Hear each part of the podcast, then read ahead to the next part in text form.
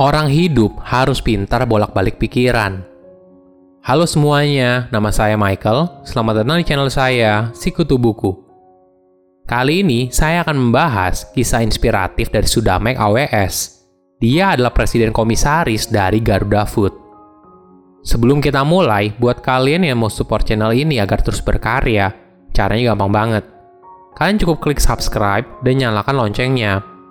Dukungan kalian membantu banget supaya kita bisa rutin posting dan bersama-sama belajar di channel ini. Sudamek AWS lahir pada tahun 1956 di Rembang, Jawa Tengah. Dia merupakan anak bungsu dari 11 bersaudara. Ada makna yang dalam dari nama yang dia miliki, Sudamek Agung Waspodo Sunyoto. Su artinya baik, Damek artinya menjalani ajaran agama. Jadi, Sudamek itu artinya menjalani ajaran agama dengan baik. Apabila dia menjalankan ajaran agama dengan baik, maka dia akan menjadi agung, menjadi orang yang berhasil. Tetapi, apabila sesudah menjadi orang yang berhasil tidak ada kewaspadaan atau waspodo, maka bisa kesandung. Dan yang terakhir adalah sunyoto, yang merupakan pencapaian tertinggi dalam perjalanan spiritual. Jadi, rangkaian nama Sudamek AWS berarti apabila dia menjalankan ajaran agama dengan baik, kemudian menjadi sukses. Namun, tidak boleh lupa diri dan terus waspada. Maka, tujuan akhirnya adalah mencapai pencerahan. Sudamek bersyukur sekali dengan nama yang diberikan oleh ayahnya, dan hal ini menjadi peta jalan bagi Sudamek dalam menjalani hidup. Sudamek bercerita kalau sejak kecil dia sering dihina atau diejek. Di dalam keluarga, karena merupakan anak bungsu, dia sering dibully oleh saudara-saudaranya. Sudamek masih ingat Dulu kakaknya pernah bilang kalau dia bukan anak kandung ayah ibunya dan ditemukan di pinggir jalan.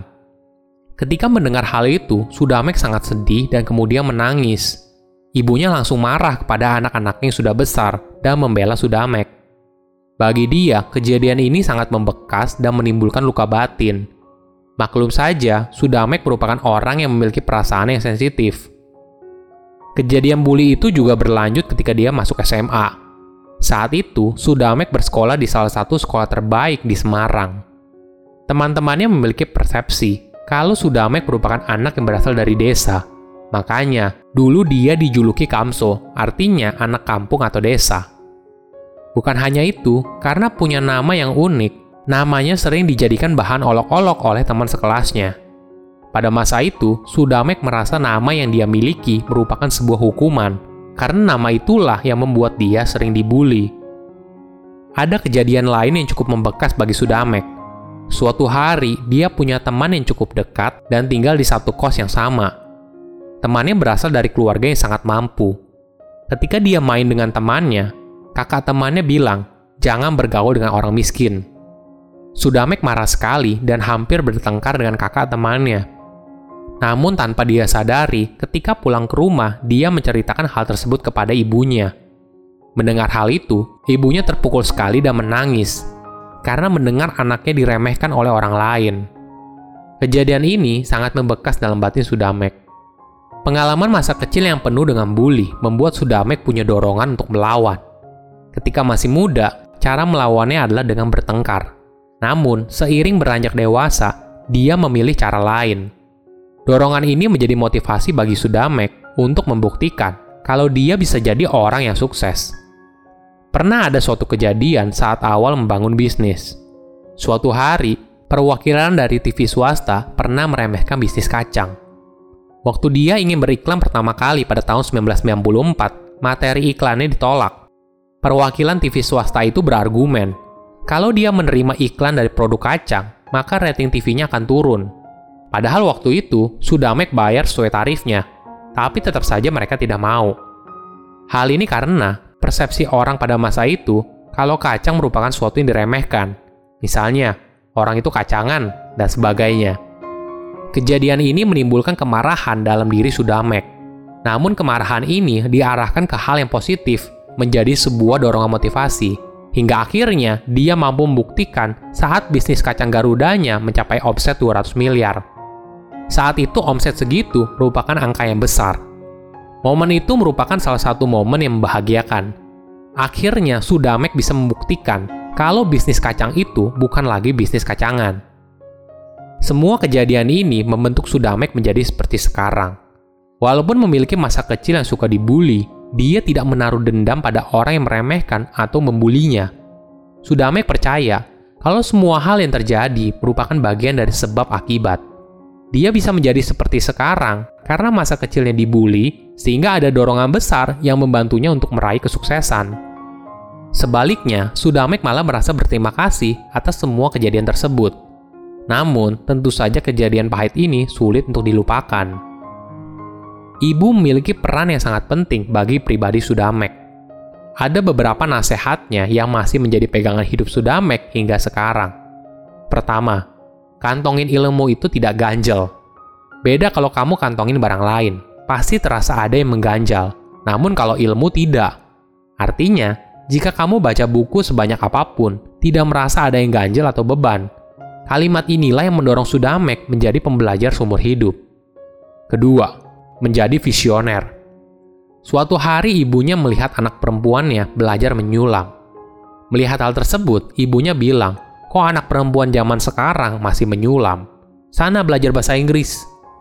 Ibunya tahu kalau bahasa Inggris di masa depan sangat penting hingga sekarang menjadi bahasa yang ibaratnya wajib dikuasai ketika kamu bekerja.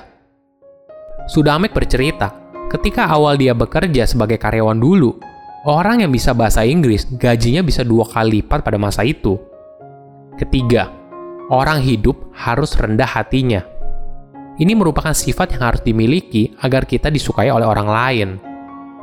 Keempat, orang hidup harus pintar bolak-balik pikiran kita harus bisa memaknai sebuah kejadian dengan cara yang berbeda. Sudamek mengibaratkan, ketika ada stimulus, maka akan masuk ke dalam free will kita. Nah, free will ini yang akan menentukan apa respon kita. Jangan sampai ketika ada stimulus langsung direspon, tanpa dicermati dulu apa yang sebaiknya kita lakukan. Banyak orang tidak mengira kalau perjalanan hidup Sudamek ternyata sangat keras sekali. Kalau dia tidak bisa bolak-balik pikiran, mungkin dia bisa jadi gila karena tekanan hidup yang sangat berat. Dalam bekerja, Sudamek punya prinsip kalau orang pinter kalah dengan orang rajin. Ketika kita memiliki kemauan keras dan persistensi yang tinggi, maka kita bisa mencapai apa yang kita inginkan dalam hidup. Prinsip hidup ini yang selalu dia pegang, hingga akhirnya merek kacang Garuda bisa menjadi salah satu merek kacang terbesar di Indonesia. Prinsip lain adalah, jadilah orang yang ringan tangan, Sudamek tidak pernah perhitungan dalam bekerja. Bahkan, saat masih jadi karyawan, departemen dia sering dianggap sebagai tong sampah. Jika ada kerjaan yang tidak selesai, maka dilempar ke tempat dia dan pasti hasilnya bagus. Namun semua hal ini diterima dengan senang hati dan bekerja dengan sebaik-baiknya. Karakter yang dimiliki oleh Sudamek ternyata menjadi inspirasi bagi anak buahnya untuk bekerja sebaik dirinya. Hal inilah yang membuat karir Sudamek di gudang garam bersinar dalam 8 tahun, dia berhasil menjadi presiden direktur dari PT Tria Santosa Tbk, yang merupakan anak perusahaan dari PT Gudang Garam Tbk. Karakternya yang ringan tangan juga membuat dia belajar banyak hal dan berpengaruh besar bagi perkembangan pribadinya. Bagi Sudamek, ketika seseorang mengembangkan kompetensi, biasanya menggunakan T-shape management. Awalnya kita fokus pada keahlian yang kita miliki, namun kita juga harus bisa memperlebar kompetensi di luar dari spesialisasi yang kita pahami. Sederhananya, dari spesialis kemudian menjadi generalis. Di situlah kebijaksanaan berkembang. Karena kita melihat sesuatu bukan hanya dari sudut pandang kita saja, tapi kita juga belajar banyak ilmu. Maka itu kita bisa melihat sesuatu dari perspektif yang berbeda.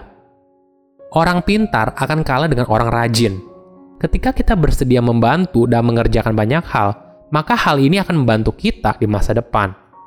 Silahkan komen di kolom komentar pelajaran apa yang kalian dapat ketika tahu informasi ini. Selain itu, komen juga mau tahu informasi apa lagi yang saya review di video berikutnya.